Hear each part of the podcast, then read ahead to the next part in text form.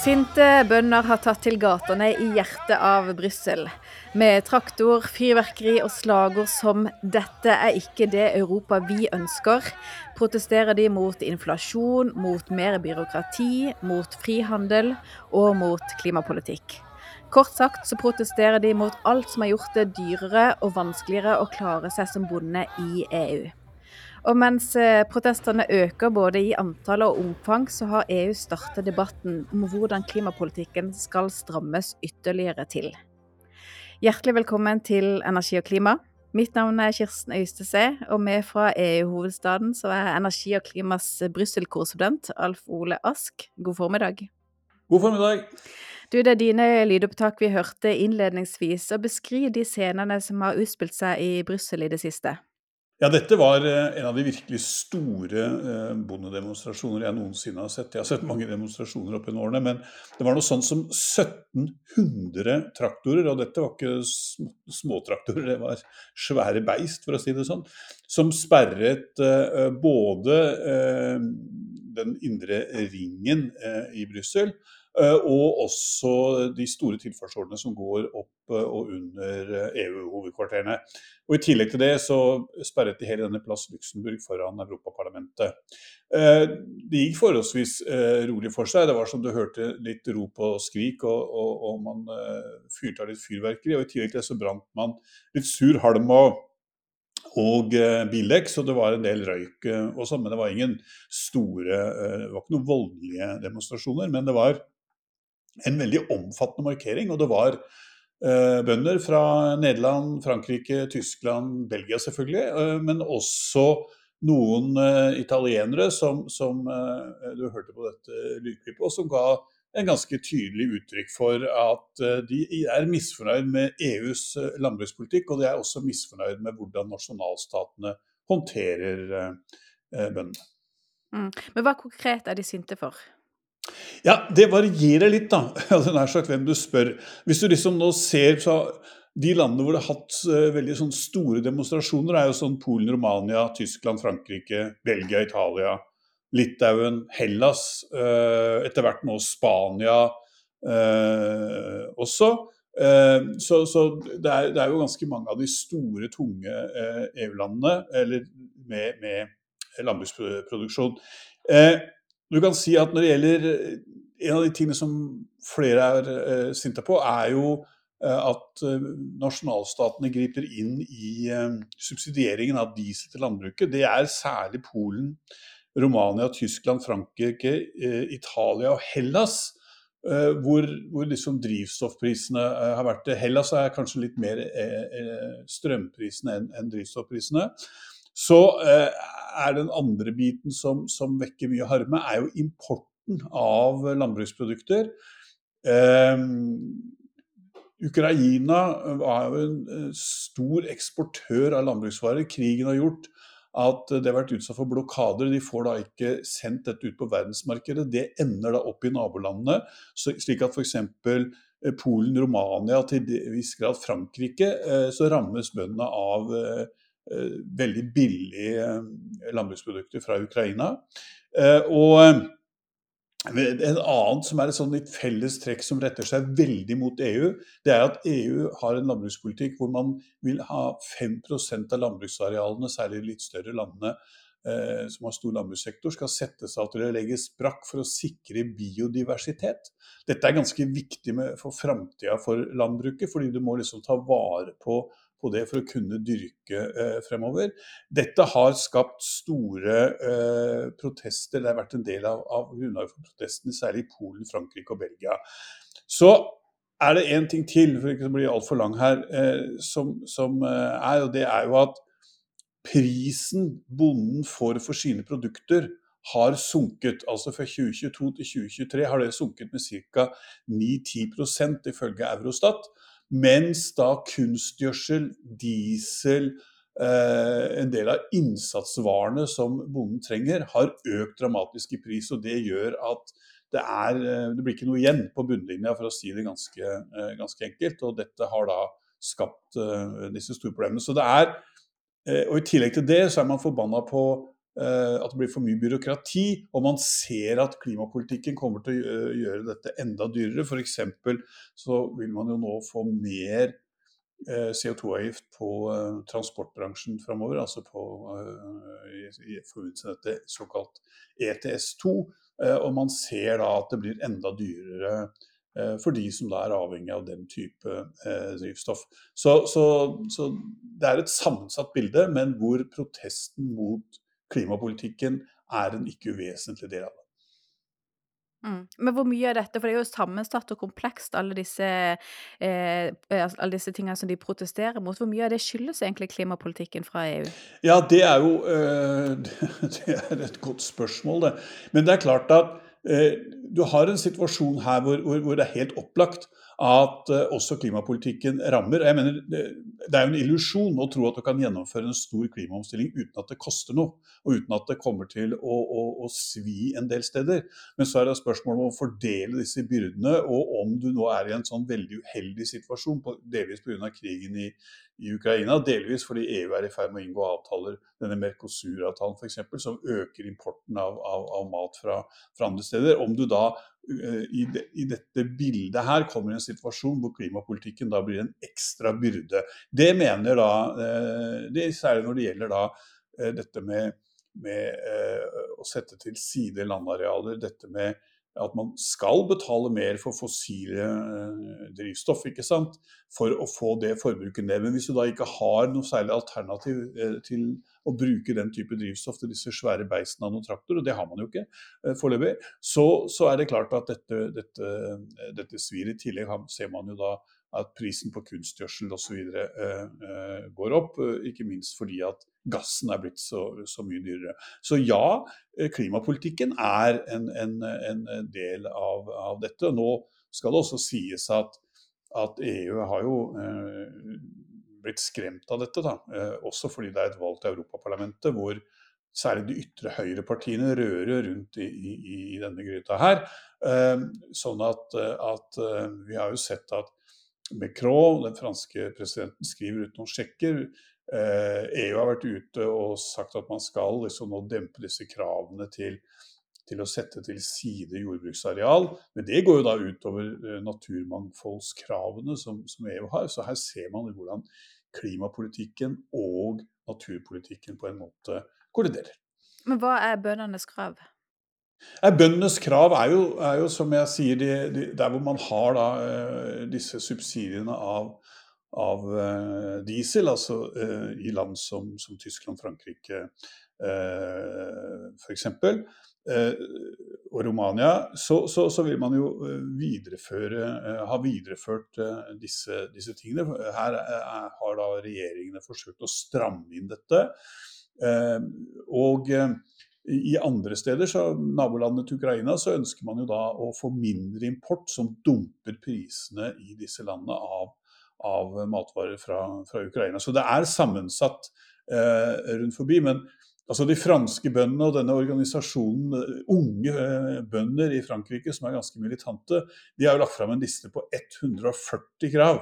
Så, så her er det mye, mye, å ta av. Eh, de har fått innfridd en del ting fra regjeringen, men åpenbart ikke nok de fortsetter å, å, å protestere. Så, så, dette går på økte kostnader, mindre betalt for produktene. Det er på en måte, måte det enkle svaret. Og de økte kostnadene er sammensatt av, av eh, import, av eh, klimakrav og, eh, og, av den generelle kostnadsøkningen og inflasjonen man har sett i kjølvannet av krigen i Ukraina. Og de høye gassprisene som presset eh, inflasjonen opp i 2022 og litt inn i 2023. Du sa at uh, ytre høyre rører i, rører i gryta, nærmest. Og er det på høyre- eller venstresida noen forslag på bordet for politiske løsninger som ikke bare handler om å se om man kan trekke litt i bremsen, men, men finne løsninger som, som, fungerer på sikt, da, som gjør at EU både kan uh, få til den klimaomstillingen som, som, de har vedtatt, uten at det blir så sårbart for, for bøndene? Nei, jeg har vel ikke akkurat sett noen sånn eh, smørbrødliste av konstruktive forslag fra, fra, Marine Le Pen og, og, og hennes likeverdige rundt forbi. De, de eh, puster liksom på dette bålet så, så, godt de kan, eller heller bensin på dette bålet så godt de kan. og, det, og, det, er på en måte litt sånn populismens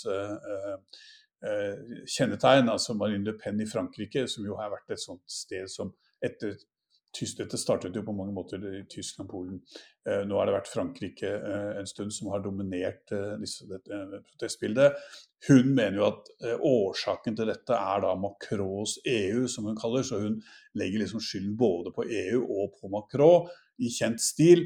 Men, og det er ikke noe slik at hun har noen velutviklet alternativ politikk for å komme disse bøndene i møte, bortsett fra at hun da mener at man må, må ha mindre reguleringer fra EU, mindre byråkrati. Og det er jo en, en stor utfordring. Hun peker for så vidt på det som er en stor utfordring med det grønne skiftet, er at det blir veldig mye styrt av eh, regler. Og det er klart at det, det eh, Regler med mye kontrollrutiner og sånn har en kostnad. Og det er klart at særlig for små familiebruk Eh, rundt forbi, så er dette, er dette, tøft. Og Vi ser jo også nå eh, at eh, disse bondeprotestene, som jo har ulmet ganske lenge, får noen spesielle utslag. F.eks. så ønsker nå EU også etter krav fra bøndene om å lempe på jakten etter ulv, f.eks. Det vil jo ha flyttet den til en mindre At den skal ha mindre vern etter, etter Bernkonvensjonen enn det den har i dag. Så sånn sett kan du si at eh, EU-kommisjonen eh, fører nå snart en ulvepolitikk som ligner på Senterpartiets i Norge.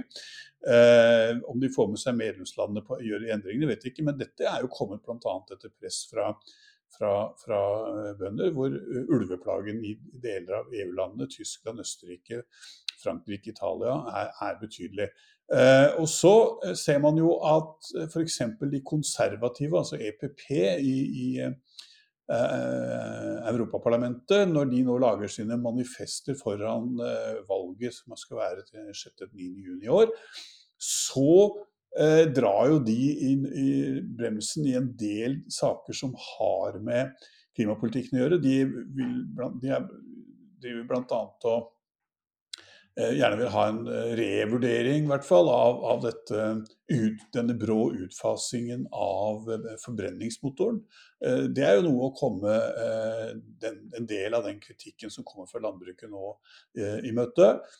Og de er veldig opptatt av at man skal ha en sånn litt nærmest en reformpause, eller iallfall en bremsing, som gjør at man ikke da eh, lage flere påbud og, og, og, den type ting.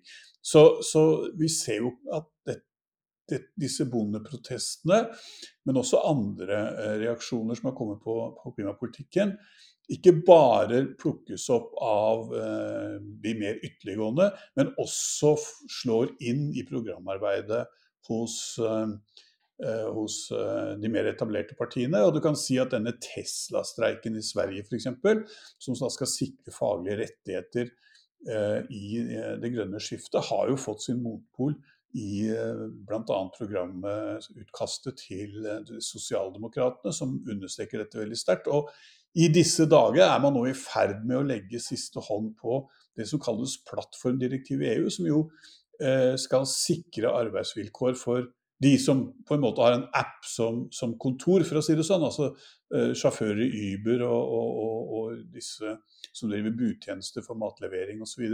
At uh, kravet vil være at disse skal være ansatt og ikke oppfattes som selvstendig næringsdrivende, og dermed få helt andre rettigheter.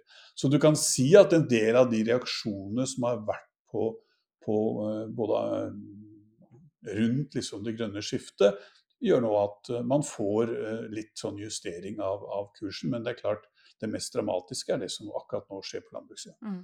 Men hva er det forventa at eh, vil skje? Vil, vil det etter hvert dabbe av, eller vil det eskalere med disse protestene? Ja, det er, det er Der kan hvem som helst gjette like bra eller lite dårlig, tror jeg. Eh, det kommer nok litt an på hvordan eh, man eh, griper dette an, men det er helt opplagt at de etablerte partiene og eh, Det var jo et eget møte under det toppmøtet som var eh, her på eh, torsdag.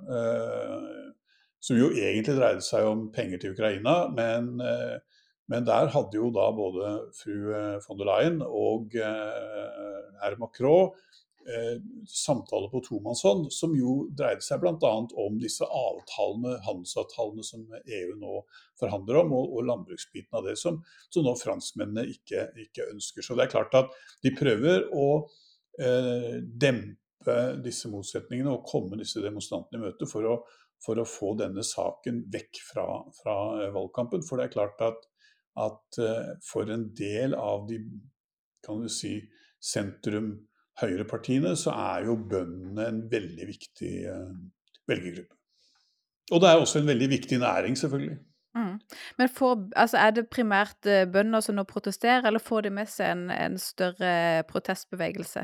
Jeg tror, eh, slik jeg ser det nå, så er det, er det nok mest bønder, altså det er bønder som, som protesterer, ja. Men det er klart at uh, dette er jo ofte da uh, bruk som ligger uh, i glisgrendte strøk, for å si det sånn, som, som, er ganske viktig for næringen og for små bygdesamfunn rundt omkring i, i, i EU-landene. Så sånn sett så har det nok en veldig stor skare av støtte i, i, i de i landområdene eller ute på landet. Men vi har liksom ikke sett foreløpig at du liksom får en bredere mobilisering slik man kunne se med de, med de gule vestene i, i Frankrike for, for, et par år siden, eller tre-fire år siden. De går så fort. Men, men, det kan fort skje, og det er vel det som eh, mange av de politiske lederne frykter. Det er liksom at, at man skal få et, et opprør som, som, eh, sprer seg til flere, flere, områder, og som da setter eh, større spørsmålstegn ved, ved ikke minst klimapolitikken. Og EU har jo vedtatt at utslippene skal reduseres med 55% innen 2030, og da til netto null i 2050. Og eh, diskusjonen om hvilke mål som skal settes for 2040, den er jo i gang, og EU-kommisjonen skal legge frem et dokument om dette neste uke. Står, eh, hva, hva kommer i det dokumentet? Ja, fra De lekkasjene som vi jo har hatt, og det dokumentet jeg har lest, lest, er et omfangsrikt dokument på over 100 sider, så sier nå kommisjonen at de eh, går inn for at man skal ha 90% utslippsreduksjon i 2040. Det eh, betyr at man må ha på plass nytt regelverk. Det kommer til å bety økt krav eh, når det gjelder landbruket og, og, og utslipp. Eh, fordi landbruket er liksom en av de sektorene som står igjen, og som da eh, Jeg snakket med noen EU-diplomater som mener at man da vil få en, eh, et lovforslag en eller annen gang under en ny kommisjon uh, i løpet av de årene som kommer, om en ETS3 uh, eh, for landbruket. Um, altså en kvotehandelssystem for, for landbruket.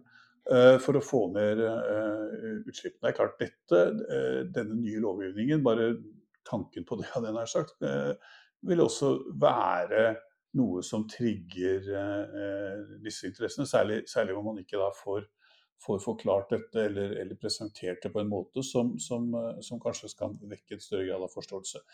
Denne eh, planen om 90% er jo viktig fordi uten å få til et, at man klarer disse kuttene i størrelsen fram til 2040, så når man ikke klimanøytralitet i 2050. Det høres jo veldig mye ut at man skal ha 90% i, i 2040, og så har man liksom de siste 10% igjen. Men man må huske på at det er de siste 10% som virkelig kommer til å bli problematiske å få til. Uh, og, og, man må liksom opp på et veldig uh, Ifølge EUs egne eksperter så må kuttene ligge mellom 90 og 95% i 2040 for at man skal nå klimanøytralitet i 2050. og Da har altså EU-kommisjonen, legger EU-kommisjonen seg på det laveste nivået av ekspertenes uh, antydning. Men det har vært de som har ment at man burde ha omgått til 87 og 88% og sånn, og at man ikke kan være, være, så tøff. Og så får man se hva medlemslandene og parlamentet uh, til slutt enes om som, som, målet. Men dette kommer til å bli en, en av de store sakene for den nye kommisjonen. Den blir lagt fram nå, men det kommer ikke til å være noen ordentlig behandling av dette før, eh, før eh, den nye kommisjonen og det nye parlamentet er på plass i løpet av eh, ettersommeren og høsten 20, altså i år. Men påvirker protestene fra bøndene den diskusjonen om 2040-målet? Det tror jeg nok den kommer til å gjøre. Den gjør nok ikke det nå. Kommisjonen har jo i realiteten laget dette dokumentet. Det har vært klart en stund. Nå er det liksom den siste finpussen som gjenstår. Men, men eh, det, det, er klart alle disse tingene kommer til å gjøre det. Og det var en uformell drøftelse av 2040-målet på det uformelle, det var veldig uformelt, uformelle eh, energiministermøtet som var her i Brussel for eh, et par uker siden, tenker jeg. Eh, det er blitt alt nå. Eh, og der var det jo veldig ulike syn på, på dette, og hvor ikke minst mange av ministerne understreket eh, viktigheten av å gå sånn fram at man bevarte den folkelige støtten. Og det var også veldig interessant å se at det var mange land som ønsket 90 eh, Det er jo elleve EU-land som har skrevet et brev, det kommer kanskje litt seint, men som, som, ble offentliggjort nå disse dager, hvor Danmark f.eks. er med på dette. Tyskland eh, eh, ber om De ber vel ikke om 90% men de ber om, om, om at man eh, er tøff eh, og kutter. Eh, og mens det da er andre land som, som nå holder igjen fordi de ser denne folkelige misnøyen som, som, er der ute, og den engstelsen som er, og hva, hva, hva dette klimatiltakene uh, da betyr for folk flest. Så, ja, så, så, dette kommer til å være helt opplagt en del av, av den debatten. Mm. Men det er jo ikke overraskende når man går fra mål til faktiske tiltak og handling, og man begynner å merke at dette får noen konsekvenser for eh, høyere energipriser og høyere drivstoffpriser, at det begynner å smerte litt. Har, eh, har EU-kommisjonen og EU-parlamentet vært litt på hælene her og ikke forstått hvordan de kan være i front og gjøre denne omstillingen mindre smertefull og, og mer rettferdig? Nei, det mener jeg faktisk. Eh nå skal jeg, Det strider mot min natur å være en positiv person, som du vet.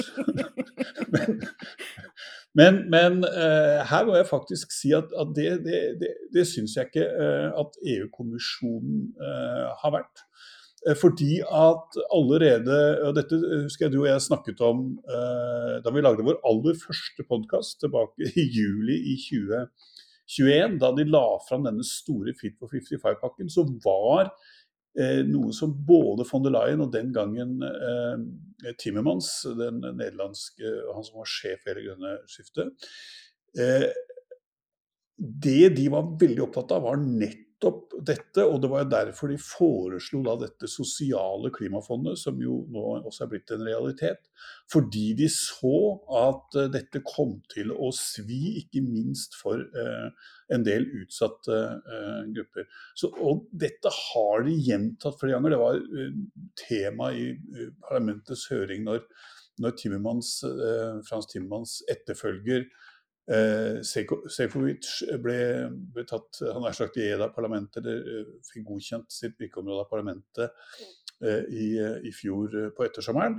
Så, så, nei, dette har de vært fullstendig klar over. Det jeg tror har vært litt av problemet, er at jeg er ikke sikker på i hvor stor grad regjeringer i medlemslandene har bidratt til å forberede sine Eh, befolkninger på eh, hvor dramatisk dette er. Og det har jo en parallell til det vi driver og baler med i Norge. Hvor eh, vi nå har bare inntatt i lovgivningen en bitte liten del av de klimadirektivene som nå kommer som en tsunami inn i Norge. Det gjelder karbontoll, det gjelder energikrav til bygg, det, og det gjelder denne LULUSUF, som, som da gjelder for så vidt griper inn i, i, i landbruket og, og skogbruket eh, eh, når det gjelder eh, klimapolitikk. Og Det har nesten ikke vært noen diskusjon om dette i Norge. Og, og, og, det kommer til å bli interessant når alle disse reglene eh, kommer eh, og skal implementeres, som det heter. Hva slags diskusjoner vi også får der. Så jeg tror det kanskje er mer nasjonalstaten enn det er EU-institusjonene som i denne sammenheng ikke har vært eh, forberedt. Og EU-institusjonene kan ikke gjøre den jobben for, eh, for, regjeringen. Ok, Det er interessant. Er det likt ja, over det? hele Det var veldig interessant. er det likt over hele fjøla? Er det noen eh, land som, som er flinkere på dette? Nei, energi og klima har ikke reisebudsjett at jeg kan reise ut og besøke 27 land. Det skulle jeg gjerne gjort. Vi, Nei, vi altså, det er, det, Ja. Nei, det, er, det, er, det, er nok Det varierer nok ganske kraftig fra medlemsland til medlemsland.